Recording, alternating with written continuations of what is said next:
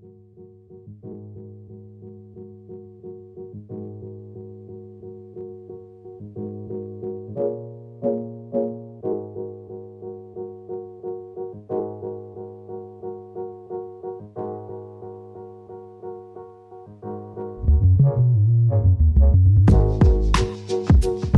Ukrainas motoffensiv för att återta territorium drog världens blickar till sig under september 2022 när invägar plötsligt kunde noteras i båda de ockuperade östliga regionerna Donetsk och Luhansk. De landområden som nyss ansetts vara i princip ointagligt befästa fort dit stridströtta ryska styrkor kunnat retirera föll som furor under anfallet och i panik tvingades Moskva anordna skenfolkomröstningar för att annektera regionerna och dess befolkning befolkningar.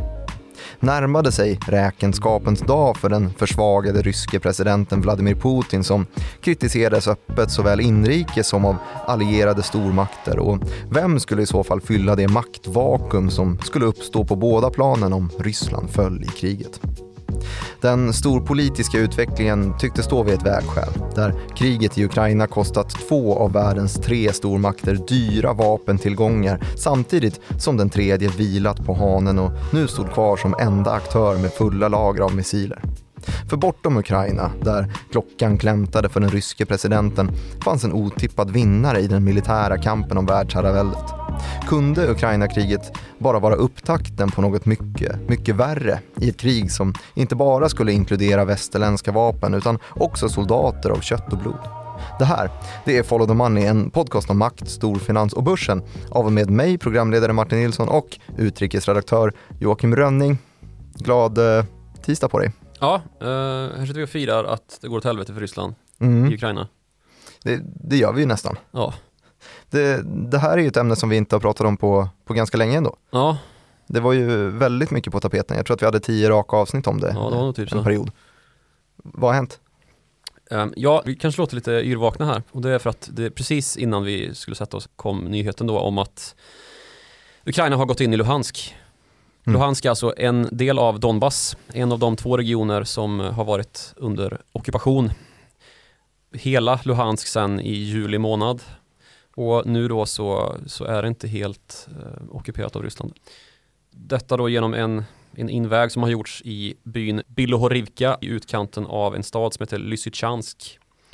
Och därmed så kan man väl börja dra lite slutsatser här tänker jag. Mm, vilka då? Um, ja, att Ryssland kommer nog inte vinna det här kriget. Det blir så? Jag tror faktiskt det. Vi kan vara ganska säkra på det i alla fall. Mm. Det, det, har i alla fall motbevisats det här första ansatsen som kablades ut att det skulle ta tre dagar så skulle man ha Kiev. Ja, precis. Det men, höll ju inte. Nej, men det som skiljer nuläget från hur det såg ut då är att som sagt Ryssland kan inte vinna det här kriget sa jag. Men nu ser det dessutom ut som att Ryssland faktiskt kan förlora kriget. Vad är skillnaden här? Skillnaden är ju att det ena scenariot möjliggör en hedersam utväg som Vladimir Putin då kan ta och kalla kriget för en vinst, även om det egentligen inte är det. Alltså att han retirerar och kanske får med sig en del tidigare landområden som redan har varit ockuperade som delar av Donetsk och Luhansk ju har varit. Men nu när man gör invägar så här så blir det i praktiken omöjligt för Ryssland att kalla det här kriget för vunnet på hemmaplan och få folk att faktiskt tro det. Så det är, det är fortfarande för tidigt att säga liksom att det kommer gå på ändra vis.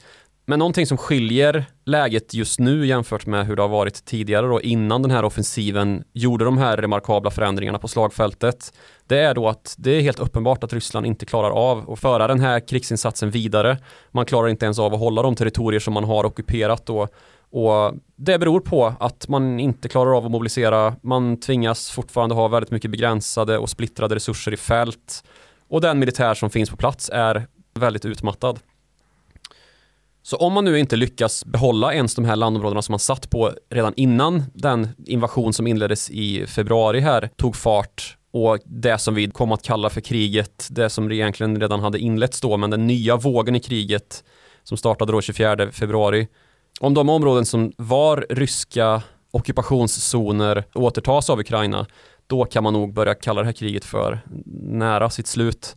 Och då kan man nog också börja fundera på om det inte är så att eh, Vladimir Putin också är slut.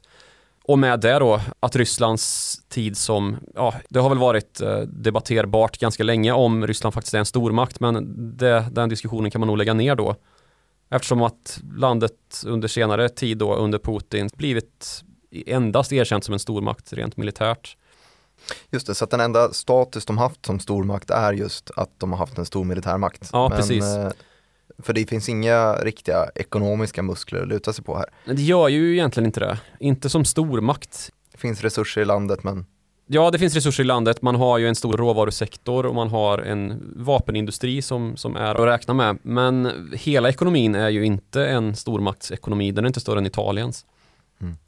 Och dessutom så har det framkommit med all önskvärd tydlighet hur beroende man har varit av Europa. Det pratas mycket om att Europa har varit beroende av Ryssland för sin energiimport och det stämmer ju till fullo. Men samtidigt så har ju Ryssland varit helt beroende av Europa som energiköpare, desto mer dessutom eftersom att endast en liten del av de europeiska totala köpen, om man ska se till hela ekonomin, görs visavi Ryssland då så är ju Ryssland desto mer beroende för att få ihop sin BNP att faktiskt få sälja sin energi till Europa då. Så när Ryssland påstår att vi kan ersätta tappet då i BNP som blir ofrånkomligt när Europa slutar köpa gas och olja med att sälja den till andra länder som fortfarande har lite mer öppensinnad inställning till eh, Ryssland trots det de gör i Ukraina då är det faktiskt lögn. Det är bara att titta på räkenskaperna och konstatera det. Är det infrastrukturen som inte ja, är på plats? det är det ju. Det saknas den här rörledningskapaciteten till länder som, ja, de som ska ersätta Europa då. Det är ju Indien och framförallt Kina ju. Mm. Även en del andra länder i Centralasien, men framförallt Kina ju som ska, som ska rycka ut som den stora importpartnern här som, som ska ersätta Europa. Och det är ju inte i det väderstrecket som man har gjort de här stora satsningarna då på gasinfrastruktur, alltså Nord Stream. Det finns projekt som man skissar på eh, och sådana som har påbörjats men de är inte i närheten lika långt gångna och de är inte lika stora heller som, som de här som har eh, dragits till Europa har varit ju. Men det pågår ju fortfarande viss försäljning till Europa, eh, även om det är på vad är det? det gör det. det är... Drygt en femtedel av toppnivåerna ja. innan kriget så är det ändå gas och olja som säljs. Ja, det finns ju fler rörledningar än Nord Stream 1 och 2, alltså de som går genom Östersjön som det har varit så mycket debatt om. Det finns ju både nere i Ukraina som går genom Ukraina som fortfarande pumpar gas och sen så finns det ju Turkstream, är det en som heter till exempel. Och det, det, finns ju flera. Men det är väldigt mycket kapacitet som nu är vilande då. Mm. Och dessutom då om vi ska titta på vår sida av ekvationen så ser det ut som att EU faktiskt nu kommer klara den här vintern. I alla fall om vi får någorlunda milt väder. Gaslagen är ju mer fyllda än vad de brukar vara så har ju också många av de allra mest gasberoende länderna, Tyskland till exempel, skrivit avtal som de ska täcka upp då för den långsiktiga bilden också då. Qatar skrev de ett avtal med och Qatar är ju en väldigt stor exportör av liquefied natural gas, LNG som det kallas, alltså flytande naturgas som då fraktas till havs ungefär som olja gör på, på oljetankers i gastankers och sen ankommer då i Europas hamnar och sen kan ja, sättas in där det behövs på ett lite krångligare sätt då än man kan göra med de här smidiga rörledningarna där det bara är att sätta på och stänga av kranen när det väl finns en efterfrågan. Bra att Tyskland diversifierar bland sina auktoritära regimer. Ja, Ehm, det är ju intressant det där att nu blir det ju istället då en förmån för Mellanöstern ju. Såg att Saudi Aramco, alltså det statliga saudiska oljebolagets vd, slog ner på den här idén om att en lösning i Ukraina skulle medföra att energikrisen tar slut. Det menar han att det är en grav missuppfattning från världssamfundet. Det handlar inte alls om det, det handlar om att man har underinvesterat i gas och oljeutvinning och att man då skulle behöva få igång den för att kunna möta den efterfrågan som finns. Och det här säger han ju naturligtvis ur en korrupt position eftersom att Saudiarabien ju är stormakten i OPEC och styr marknaden med hjälp av då att kapa produktionen och hålla marknaden i den balans, alltså vid det pris som man önskar då för att kunna hålla sin eh, statsbudget i skick. Så det är inte helt sant det han säger men ur ett nuläge så, så är det ju absolut så att det hade behövts mer fossil utvinning för att täppa igen de här stoppen som nu har vållats då av att kriget i Ukraina blev aktuellt och att det var ett så stort övergrepp att demokratiska västländer inte klarade av att se på det med eh, blida ögon längre utan införde sanktioner mot Ryssland och deras viktiga energiexport som vi gjorde oss beroende av, framförallt Tyskland då som sagt. Mm. Men om vi återgår till de här militära situationerna, vad har vi för, för fakta om hur man har rört sig i området? Hur, hur går det? Ja som sagt då så visar sig allt mer att Ryssland inte är en militär stormakt. Det såg man ju redan tecken på i början av den här offensiven när man eh, först började då omringa Kiev, Ukrainas huvudstad, för att sen få ta sitt pick och pack och fly i panik ungefär, som att det inte funkar. Och försörjningsleden kollapsade, man blev en så kallad sitting duck, alltså stod i militärkolonn som inte rörde på sig och blev sönderbombade. Och en stor missräkning av Ryssland hela den här inledande akten av kriget ju. Och en poäng som görs ganska ofta nu är att den här liksom eftersatta underhållssituationen som man lider av i den ryska krigsorganisationen, den har ju med korruption att göra. Det här kanske man kan se lite grann svagheten med att agera diktatur jämfört med demokrati då. Att det är väldigt mycket underhållspengar som faktiskt har behövts för att hålla den ryska militärmaterielen drivkraftig som har ja, hamnat i enskildas fickor. Man har staten då som har köpt underhållstjänster av någon enskild näringsidkare som sen helt enkelt har skitit i att underhålla militärmaterielen som sen står och slirar loss på ukrainsk lerväg. Och när sen den ukrainska motoffensiven då sker på full skala som den, som den gjort nu och dessutom av en anledning då att EU kanske har känts lite stressat av de här gasstängningarna och Ukraina har känt att nu måste vi nog visa att de här vapnen som vi har blivit tilldelade av västsamfundet faktiskt kan ge resultat. Det har det gjort också. Nu finns det 6000 kvadratkilometer som har återerövrats då under gulblå fana. Och det finns också ytterligare bevis på de ryska grymheterna då i um, Isium, den här staden där det har grävts fram civila lik i massgravar som efterlämnats då av ryssar som flytt hals över huvud. Och dessutom då så har ju det här lett till att Ukrainas vapenarsenal har växt ytterligare. För det pratas mycket om att Ukraina behöver vapen från väst och att man behöver fortsätta det här flödet då av vapen från amerikanska, brittiska, svenska, tyska vapenlador. Men just nu så är det ju faktiskt så att öst är den största vapenexportören. Ryssland är den största tillföraren av vapen till Ukraina. Och man tar inte ens betalt. Ukraina har i den här motoffensiven kunnat tillförskansa sig enorma tillgångar av stridsvagnar, artilleripjäser och annat som den ryska armén har lämnat efter sig i den här totala... Övrig illa underhållen 70-talsmateriel. ja, precis. Alltså Ryssland är ju kända för sin högavancerade vapenindustri ju. Men den har ju faktiskt kommit ganska så rejält på skam och ett tecken på det kan ju vara då hur en del länder har faktiskt börjat att avboka sina beställningar till den ryska försvarsindustrin. Bland annat Turkiet som ju är rebellen i NATO-samarbetet. Eh, landet som beställde då luftvärnssystemet S-400 som ju gjorde sig känt för detta och just att det blev en rejäl splittring i NATO att ni kan inte ha NATO-flygplan och ryska luftvärnssystem, det fattar ni väl. Mm. Um, det gick man emot då och just skulle vara rebellisk och det har man ju också skaffat sig en position som man har utnyttjat här under kriget mellan Ryssland och Ukraina ju. Bland annat var man ju med och genom president Erdogan då fick till det här FN-avtalet om att tillåta spannmålsexporten ifrån Svarta havshamnarna igen som skulle rädda utvecklingsländerna och deras befolkningar undan den här torkans sommar 2022 och dess konsekvenser för matförsörjningen. Du tänker på eh, Egypten bland annat? Ja, precis. Eh, men i alla fall de här turkiska S400-systemen, de kommer inte då få några ytterligare tillskott från Ryssland för det har man avbeställt då när man har sett hur ja, men illa skickade de har varit då och ta hand om det ukrainska flygvapnet som ju faktiskt har firat stora triumfer under kriget. Um, och det ser vi nu också. Många ryska flygplan som skjuts ner och det är ju betydligt mer högavancerade flygplan än de som det ryska luftvärnssystemet S-400 alltså ska skjuta ner. Det är ju så att en ledtråd kan ju kanske vara då att det som de ska skjuta ner det är gamla Sovjetflygplan som står kvar i Ukrainas stridsflygplanshangarer. Men eh, ja, man har väl helt enkelt riktat in sig på att utveckla de här luftvärnssystemen då för att skjuta ner västerländska flygplan, alltså F-35, F-16, JAS 39 Gripen kanske, snarare än eh, ja, icke-elektroniskt utvecklade stridsflygplan från Ryssland under 80-talet, kalla krigsmateriel och klarar helt enkelt inte av det mest basala så då tycker väl Turkiet att det här kanske vi kan vara utan rent av. Så uh, Turkiet väntade på att få en, få en uppvisning av S-400-systemets ja. kapacitet under det här kriget men uh, det de tvärtom. lyckades inte Eller ja, alls. de fick en uppvisning och, och Och den var inte särskilt det var imponerande. inte så imponerande.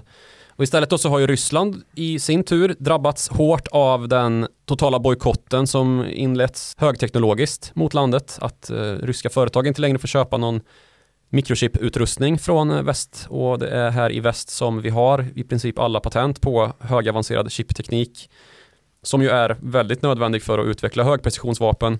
Och det leder till stor eftersatthet i den ryska tillverkningen då för att kunna fylla på när man ska rycka vidare framåt i Ukraina. Och istället då så har man fått förlita sig på att skriva kontrakt med pariastater som Iran och Nordkorea då, som ju också har viss vapentillverkning. Och det är ju knappast ett styrkebesked alltså att en påstådd militär stormakt som Ryssland eh, nyttjar sig av pariastater för att kunna föra krig vidare. Det brukar ju vara tvärtom att stormakter utrustar mindre nationer, lite som vi ser Ukraina just eh, som får vapenförsändelser från eh, stormakter i väst. Ganska absurt att det nu har blivit precis tvärtom då för, för Ryssland.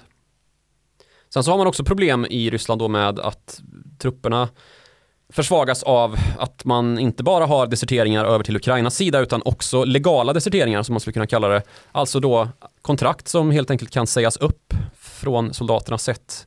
I och med det att det ju inte är ett krig det här enligt det ryska synsättet.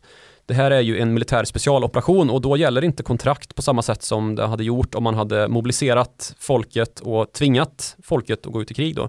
Utan det här är ju då kontrakt som kan rivas och framförallt kan man ju tacka nej om man blir erbjuden att skriva ett nytt kontrakt när man har kommit tillbaka och fullföljt sin plikt i Ukraina då och känner att det där var inte något för mig.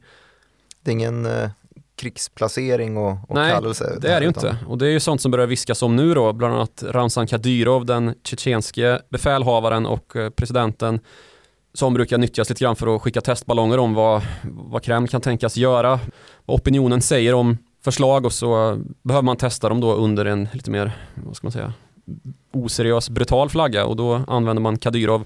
Han har då föreslagit att man ska använda sig av de federala regionerna och deras styren för att då utlysa mobilisering. Ungefär som man gjorde under pandemin när man införde karantäner. Då var det inte Moskva som gjorde det utan de federala regionerna och deras råd som nyttjades för ja, men impopulära beslut helt enkelt så, så, så att ingen ska skylla centralmakten för att vara ansvarig då.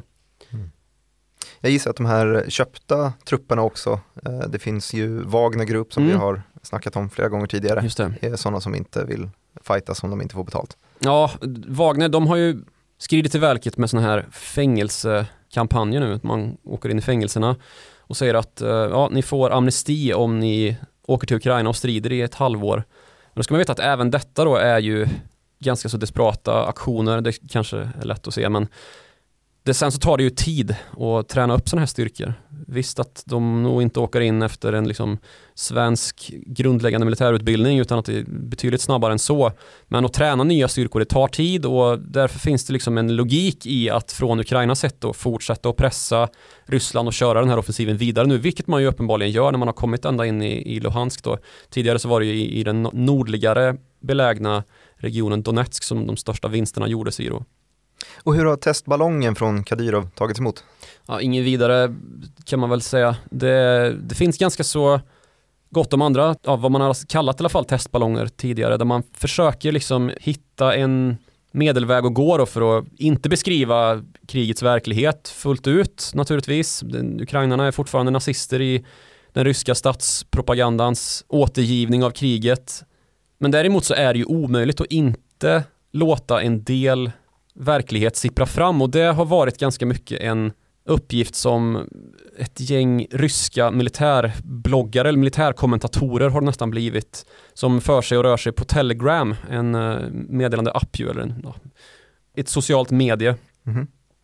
där de då kommenterar, det, det här är ganska så mycket gamla ryska befäl som har tjänstgjort i Donbass i tidigare skede då, även på Krim i samband med att man annekterade Krim 2014 som naturligtvis har kontakter på, på marken i Donbass fortfarande då. Och där har det kommit ganska så mycket kritik mot den militärledning som har försatt Ryssland i den här situationen då. Men vad som är nytt i hela den interna kritikstormen är att det finns både politiker på regional och lokal nivå samt en hel del kändisar nu som går ut emot krigsinsatsen och hävdar att vi nog borde lägga ner och dra oss tillbaka och se det här upptåget som ett misslyckande och till och med kanske byta ut Vladimir Putin. Sådana tongångar har hörts och det är ju väldigt sällsynt i Ryssland. Mm, jag läste om, eh, om popsångerskan Alla Pugacheva. Alla Pugacheva ja, som har blivit ett namn i väst här de senaste dagarna också. Mm, jag, jag ryckte till där då när eh, hon tog ställning så pass offentligt. Hon hade varit då i Ryssland och varit på Mikhail Gorbatjovs begravning. Mm. Alltså på plats i Ryssland. Och det här är alltså Rysslands Carola kan man säga. Ja, lite Rysslands Carola, exakt. Miljontals följare på, på Instagram och just på Instagram så hade hon gått ut och eh, tagit en tydlig ställning mot det här kriget. Och jag blev ju då förvånad att man inte har tagit krafttag mot henne. Man verkar ha tappat lite det här greppet om den sociala bilden. Det är för många som går ut och eh, talar mot kriget nu. Ja, det kanske är inte för inte som, som det nu talas då om att Putin faktiskt vill avsluta det här kriget. Det kom också precis innan vi gick in och satte oss i studion här att eh, Erdogan, den turkiske presidenten, hade uppfattat det som att Vladimir Putin faktiskt vill nå en, ett snabbt avslut på det här kriget nu efter ett möte då som han har haft med eh, den ryske presidenten. Och det här ska man säga också då, det här är ingenting helt nytt. Det är så att det finns även andra världsledare som har samma uppfattning då, som har återgett den, bland annat Narendra Modi, Indiens premiärminister som mötte Vladimir Putin på SCO-konferensen här i förra veckan.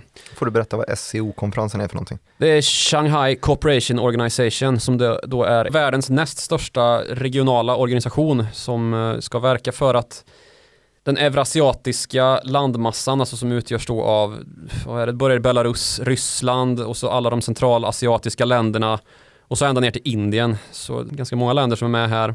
Och så har man ett gäng dialogpartners också, bland annat Turkiet och Saudiarabien. Och det här ska då verka för att man ska ja, men uppnå regional säkerhet och det är ju naturligtvis Ryssland och Kina som är de drivande parterna bakom det här samarbetet då. Och vad var det någon sa under det mötet? Ja men eh, först och främst så kan man konstatera att Putin fick eh, chi, om du förstår vad jag menar. Xi fick Putin. Ja, alltså Xi fick Putin ja. Alltså Vladimir Putin i sitt möte med eh, Xi Jinping, Kinas president, så fick han eh, närmast en skopa ovett. Om man utgår i alla fall från det läge som rådde vid förra mötet de två emellan, när det talades då om en obegränsad relation, som eh, båda parterna kallade det. Nu pratas det snarare då om att det visar sig så att det fanns visst En begränsning på relationen. begränsningar i den obegränsade relationen. Tufft. Mm. Och de här gränserna är dessutom ganska så tydliga numera. Och det senaste mötet var precis innan kriget startade där i februari.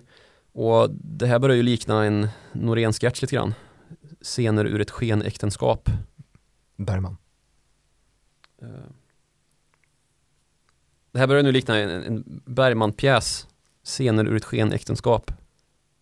Ja, du får utveckla. Så här då, Kina köper ju fortfarande olja och gas från eh, Putin, Mhm. Ryssland. Och det gör man med en ganska så kraftig rabatt då eftersom att det är ingen annan som vill göra det av de gamla kunderna som vi har pratat om i, i väst. Affärerna kanske görs i yuan eller Ja, rubel. visst. Eh, Men Ryssland måste ju i alla fall få intäkter då och de kvarvarande kunderna kan dra nytta av den här situationen, vilket man ju naturligtvis gör då. Betar av Rysslands gigantiska reserver som måste tömmas och i gengäld då så har ju Putin hoppats på att han skulle kunna få lite militärt stöd och använda i Ukraina. Men det har han då alltså inte fått. Och en av anledningarna till det är att Kina vill vara så neutralt på bortaplan som man kan och inte verka som en imperialstat. Det är ju någonting som man länge har haft som sin, liksom, som en viktig del av sin höga svansföring utomlands då, att kolla på oss, vi är inte som USA och de här jävla européerna som ska lägga landmassa under sig och ha världspolisbrickan viftandes i ansiktet på alla vi träffar. Nej, just det. Det är liksom själva motsatsen till vad man vill uppfatta som, alltså att man är antikolonial i motsättning till västländer då med just sånt förflutet och USA då som ju agerat världspolis de senaste 60-70 åren typ, sedan andra världskrigets slut. Och när inte Kina då kommer till undsättning så köper Putin istället vapen från Nordkorea och Iran, paria-staterna, och går mot en förlust i det här kriget. Och det, inget i det gör ju någon av de här parterna särskilt gott. Visst att Kina kan bättra på sin ekonomi lite grann genom att köpa billigare energi från Ryssland. Men det gör man också i ett läge där den, den, interna ekonomin har börjat svikta ganska kraftigt på grund av den här nolltoleransen man har mot covid. Stora nedstängningar som man har kört då för att, för att hålla viruset borta eftersom att man inte har lyckats framställa tillräckligt potenta vaccin och därefter rulla ut vaccinkampanjer i samhället då så att man får en stabil vaccineringsgrad. Så Ryssland kan uppenbarligen inte rädda Kina på det sättet liksom ekonomiskt utan Kina är mer beroende av sig självt och dess relation till västvärlden då att inte få för mycket sanktioner på sig och det är ju mycket där det handlar om. Kina har inte sett till några liksom hål i den ryska ekonomin omvänt för att man är så rädd för att få så kallade sekundärsanktioner mot sig. Alltså det här då att företag som ger sig in i Ryssland för att täppa till hålet efter de västerländska bolag som har lämnat då för att inte straffas med sanktioner också kan drabbas av sanktioner. Mm. Till exempel Huawei, alltså det kinesiska telekombolaget har ju i princip slutat sälja i Ryssland för att man är så rädda för att det ska leda till att man får sanktioner på sig som ytterligare då hämmar verksamheten. Så Ryssland behöver ju Kina mer än vad Kina behöver Ryssland, vilket ju börjar bli ganska uppenbart då. Och just nu är det enda som sammanbinder de här länderna just motståndet. Det är Bergman. Eller hur, hur kom han in? Ja, det är ett skenäktenskap, ja precis. Sen så som i alla eh, skenäktenskap, höll jag på att säga, alla Bergman-sketcher. Alla Bergman, sa jag Bergman-sketch? Bergman-pjäs. Mm. Som i alla Bergman-pjäser så finns det ju alltid ett nukleärt scenario i slutet, eller hur? Ja. ja. Det här nukleära scenariot är ju kärnvapen på riktigt. Att Putin ska bara lacka ur och gå mot förlust i Ukraina på riktigt. Inte få några kinesiska vapen och kunna liksom stötta upp den här uh, reträtten med. Och det är ju en reträtt som om den måste fullbordas i förnedring kommer kosta kanske Vladimir Putin livet. Att han då helt enkelt ja, bombar med kärnvapen och liksom inleder en helt ny era i den ja, värld vi lever i.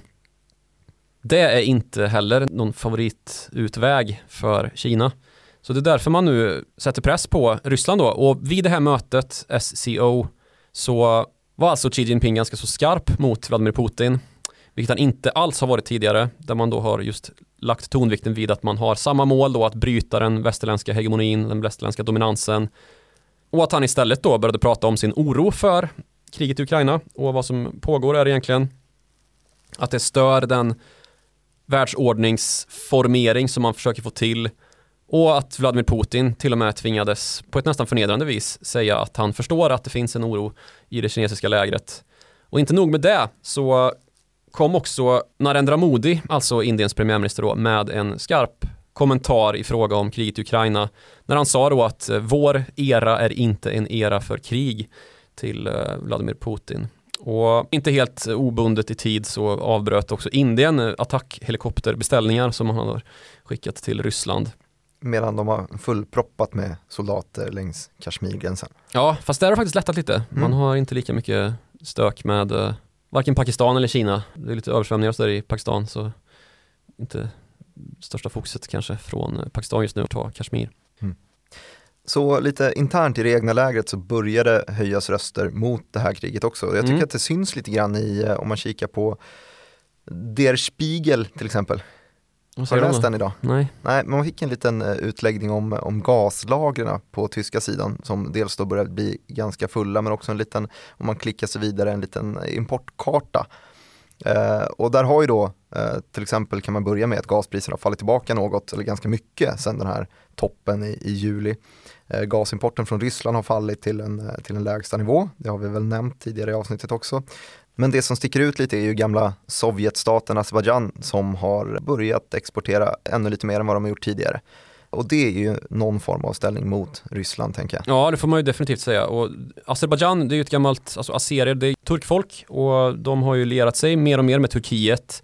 Turkiet då som har lite stormaktsambitioner, återupprättande av Osmanskt rike och så vidare. Så ligger Armenien däremellan och Armenien har faktiskt också varit lite aktiverade i det här läget som har uppstått då, precis som bortåt Centralasien då, bortanför Kaspiska havet där andra medlemmar i SCO då har börjat fundera på allvar över hur man ska fylla igen det här maktvakuumet nu när Ryssland har fullt fokus på något helt annat än den interna säkerheten som råder i just Centralasien då. Armenien i alla fall, om vi stannar till där en liten sekund, så har vi ju en historisk oförrätt som aldrig riktigt har kommit att lösa upp sig i form av Nagorno-Karabach då som är en för detta autonom region i Azerbajdzjan som är eh, en utbrytarstat med armensk majoritetsbefolkning. En rest från bråk som uppstod när Armenien och Azerbajdzjan blev självständiga från Ryssland 1918 och sen blev ännu mer problematisk i samband med att Sovjet löstes upp. Och det är inte länge sedan den här konflikten blossade upp, jag tror det var 2018, 2019 någonting. Vilket slutade med att Ryssland ryckte in som fredsmäklare och med hjälp av då att man satte in fredsbevarande trupp i Armenien lyckades stävja oroligheterna. Nu har det här tagit ny fart, men inte bara över Nagorno-Karabach då, utan det skickas helt enkelt artilleriangrepp in över gränsen mot Armenien. Men den här gången så kommer inte Ryssland till undsättning, man manar bara till lugn. Det är naturligtvis så att man har fullt upp i Ukraina och har flyttat styrkor från Armenien då till Ukraina ett eminent exempel på hur det går till i världspolitiken då när, när maktvakuum ska fyllas. För in på scenen kommer en viss talman mm. som gillar att... Är Norén där? Norlén där? Nej, Norlén är inte där. Uh, det är om Nancy Pelosi som ju mm. gillar att röja runt i, i omvärlden. Jag tänker naturligtvis på att hon har varit i en annan liten region som vi ska prata mer om sen, Taiwan och härjat loss, mm. fått hyfsat med världsmedial uppmärksamhet över annan obehaglig utveckling. Så i frånvaro av eh, både Andreas Norlén och ryska fredsbevarande trupper så kom alltså Nancy Pelosi att kalla den här attacken från Azerbajdzjan för illegal och visa sitt stöd för Armenien då. Och Armenien har ju en stor diaspora eh, och där då ja, fördömer Azerbajdzjan och dessutom visar musklerna i en rysk militärt allierad.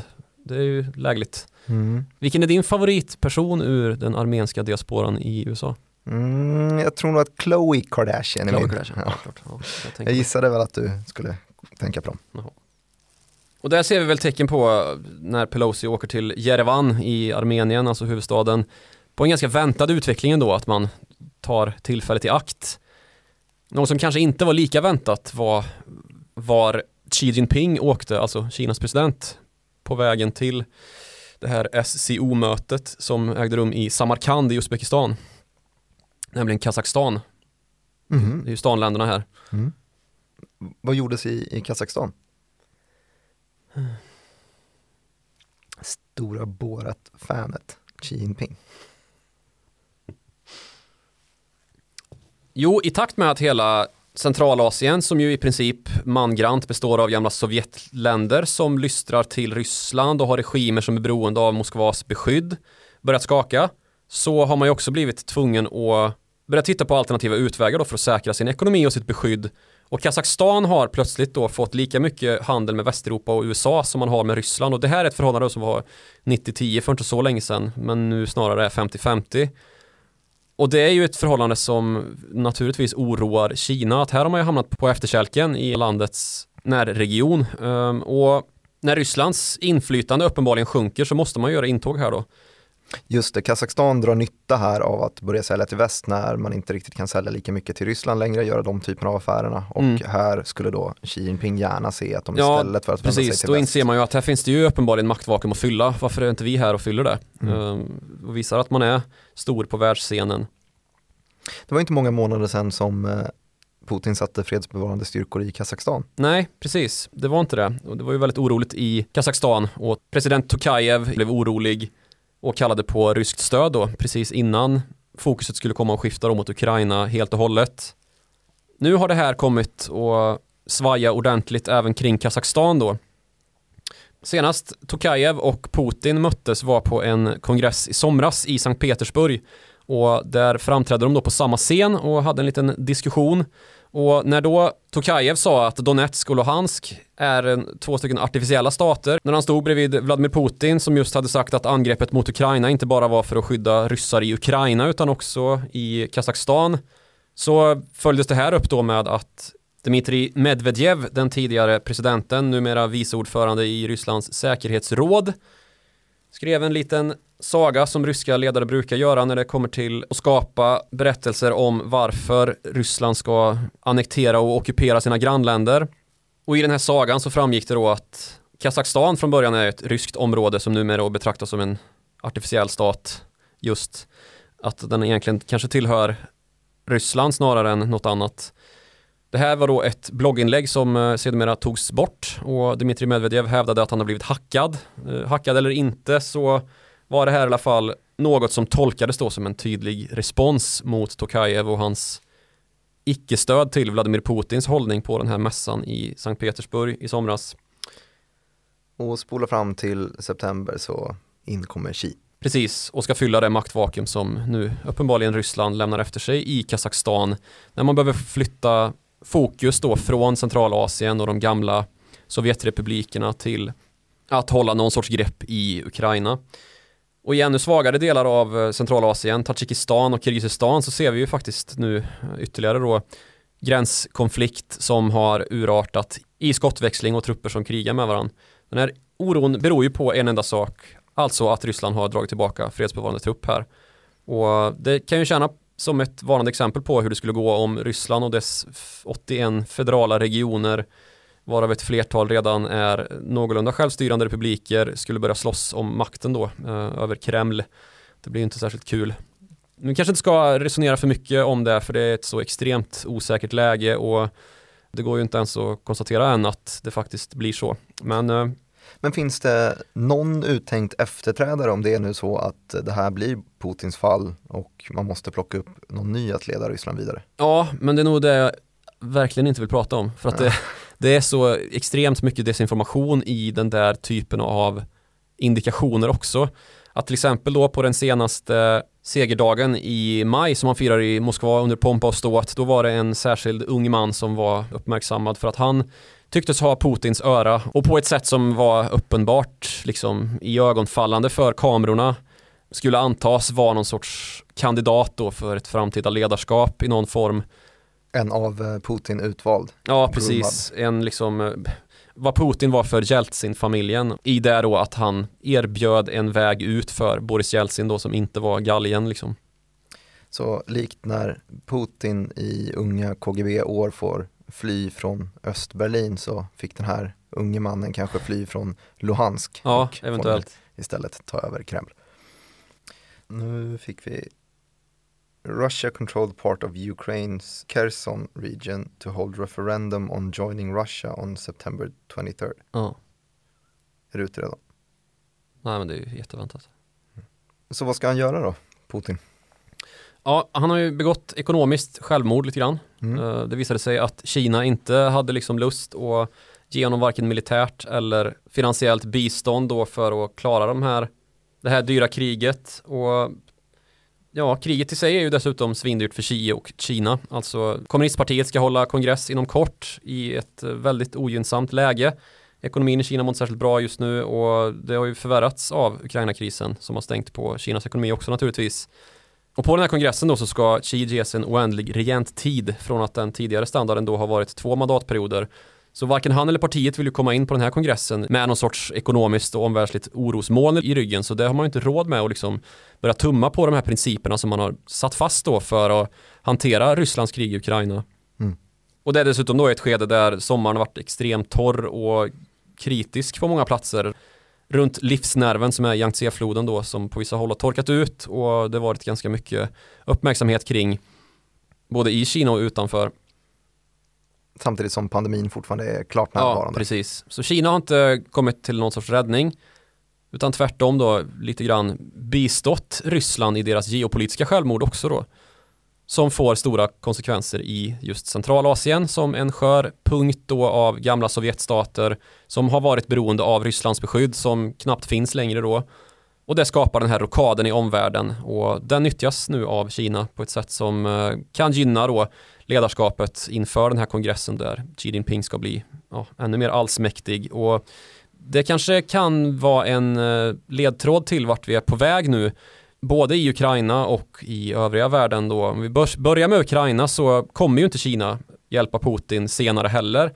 Och det kommer ju göra att hans kamp kommer få bli mer och mer desperat. Och det är ju någonting som har indikerats länge nu att han ska genomföra folkomröstningar, sådana här skenfolkomröstningar som man gjorde på Krim 2014 för att helt och hållet då annektera delar av Ukraina, alltså då i Donbassområdet, Donetsk och Luhansk och helt enkelt göra det till vad han kallar Ryssland eller utbrytarrepubliker då som ska vara underställda Ryssland och att man därmed ska kunna betrakta det här som ett anfallskrig från Ukraina sett på ett absurt vis och helt enkelt övergå då till att använda sig av en annan bok för att angripa Ukraina och hävda att man bara skyddar ryssar som man ju i och för sig redan har gjort men på ett ännu mer skarpt vis kunna brutalisera det här kriget ytterligare.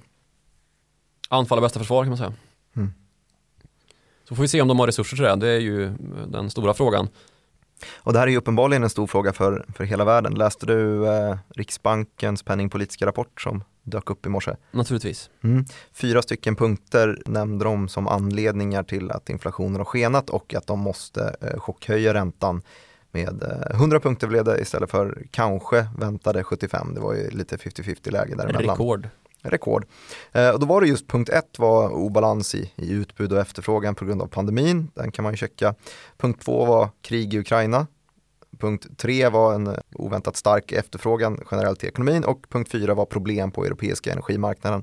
Två av de här fyra punkterna kan man ju eh, koppla till kriget i alla fall. Europeiska energimarknaden och krig i Ukraina kanske skulle kunna skrivas i samma punkt mm. om de gör om penningpolitiska rapporten någon gång.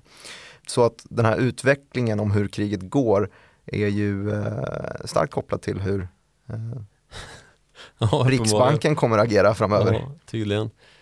Och vad, vad, skulle det bästa utfallet vara här?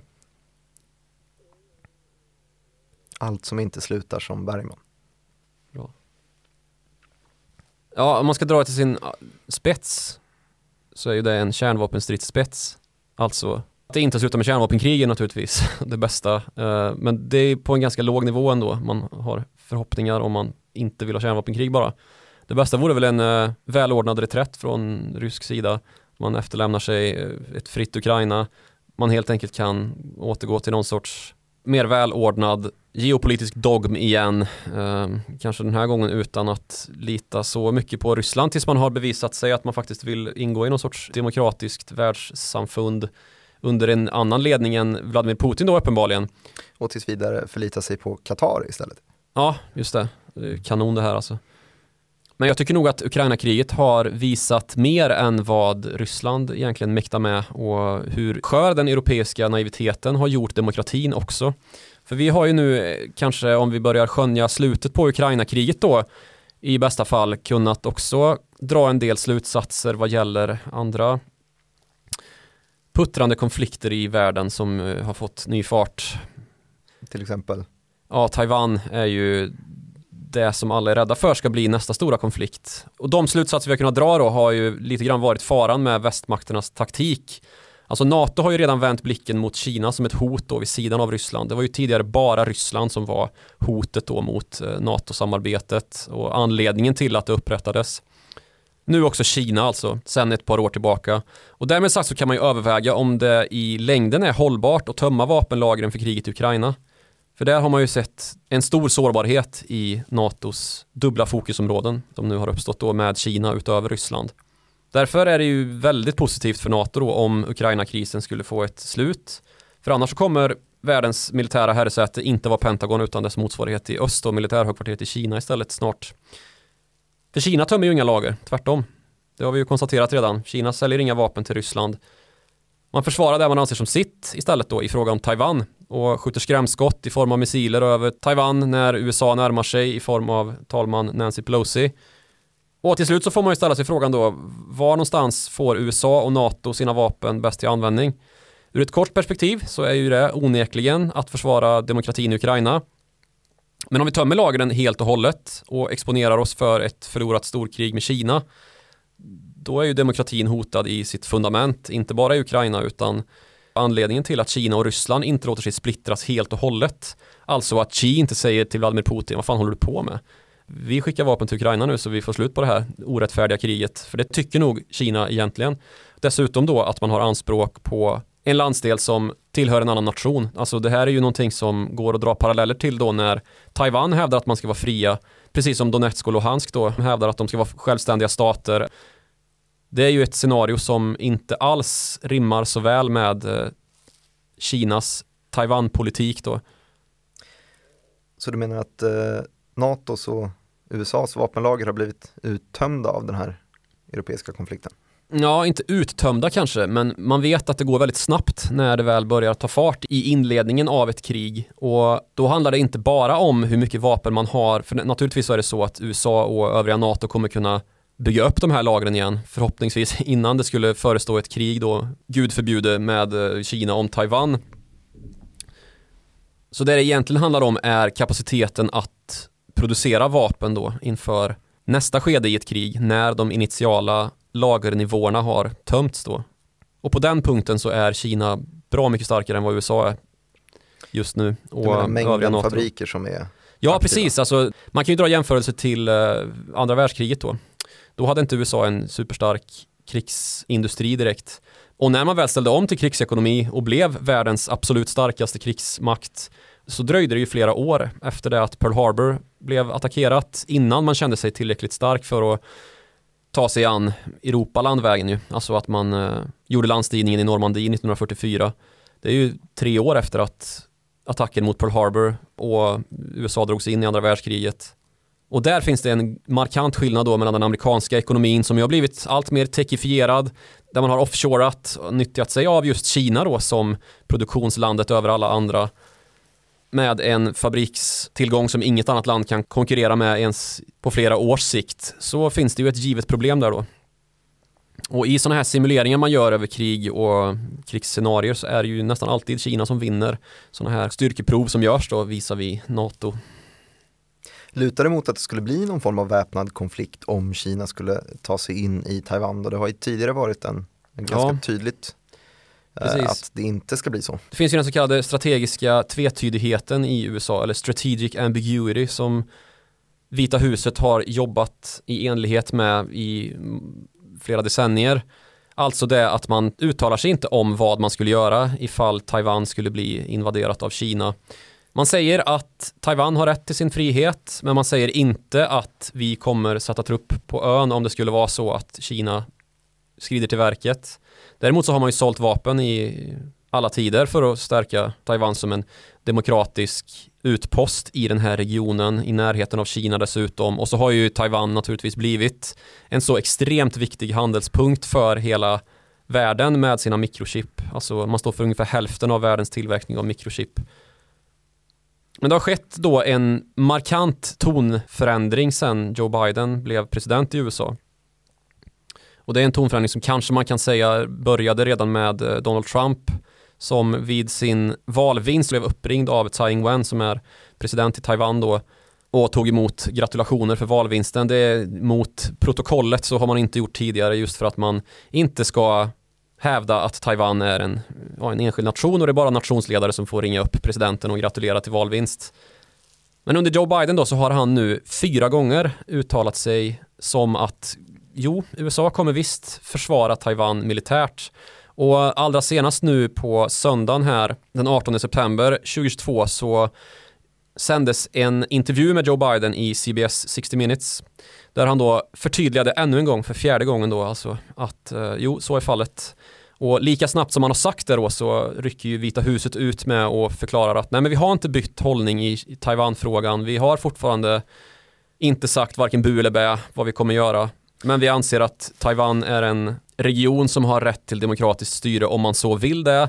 Men vi säger inte att eh, Kina inte äger Taiwan som en nationsstat då. Så här finns det ju just tvetydighet men den ruckas ju på då när eh, Joe Biden den här gången gick ännu längre och svarade entydigt ja på frågan om amerikanska soldater skulle nyttjas då. Alltså amerikanskt kött och blod skulle nyttjas för att försvara Taiwan och den taiwanesiska befolkningen från kinesisk invasion. Han svarade alltså ja på det och det är första gången som det händer. Så kan man nästan förkasta den här eh, alternativa teorin att det bara handlar om att eh, presidenten som snart fyller 80 är lätt förvirrad och ja, helt alltså, enkelt glömde bort policyn. Fyra gånger har han. Ja, nej men då är det ju inte förvirring längre. Nej, jag tycker det borde vara Strategisk tvetydighet. Strategisk tydlighet som ligger bakom det. Ja. Eller så är det just otydlighet att Vita huset säger ingenting har förändrats och Joe Biden säger allt har förändrats. Mm. Det är väldigt tvetydigt kan man ju å andra sidan säga. Ja men skrämmande för Kina likväl. Ja, det båda ganska illa att det här tonläget har trissats upp så. Och det här började ju de senaste månaderna då med explicita startskottet i att talman Nancy Pelosi besökte Taiwan då som den första amerikanska talmannen på 25 år åka dit. Och hon har ju fört en ganska så högljudd talan för Taiwans rätt till demokrati och självständighet och är ju hatad i Kina på grund av detta. Mm. Ja. Mm. Ja, lite väl spännande tider just nu i alla fall. Kan man väl eh, sammanfatta det hela med. Mm, det kan man väl göra. Man får väl uh, hålla utkik på fler nyheter om just utvecklingen av Ukraina-krisen för jag har sett det här bara på, på Twitter medan vi har varit igång och spelat in nu. Fan, är vi helt oaktuella här nu? Ja, Ryssland har kapitulerat när det här släpps. Kanske. Nej, men det dyker upp ganska mycket uh, och det har inte varit så tät täckning på just Ukraina-kriget de senaste månaden utan det verkar ha kommit upp till ytan igen nu. Och även då för att följa makroläget så är det ju uppenbarligen ganska eh, betydande punkter. Eh, krig i Ukraina och eh, europeiska energimarknaden. I alla fall enligt Riksbanken. Enligt Riksbanken, ja. Mm. Ödesmättad dag, eh, ödesmättat avsnitt. Vill ni höra av er med ödesmättade kommentarer så kan man göra det till followthemoney.direkt.se som är vår mejladress. Man kan också följa oss på Twitter, gör det. Eh, Joakim Rönning som har pratat mest även idag heter just så, snabel Joakim Ronning på Twitter. Jag heter snabel direkt Martin och det vi har gemensamt det är att vi båda är jättelyckliga över att ni har lyssnat på dagens avsnitt. Vi hörs igen om en vecka. Hej!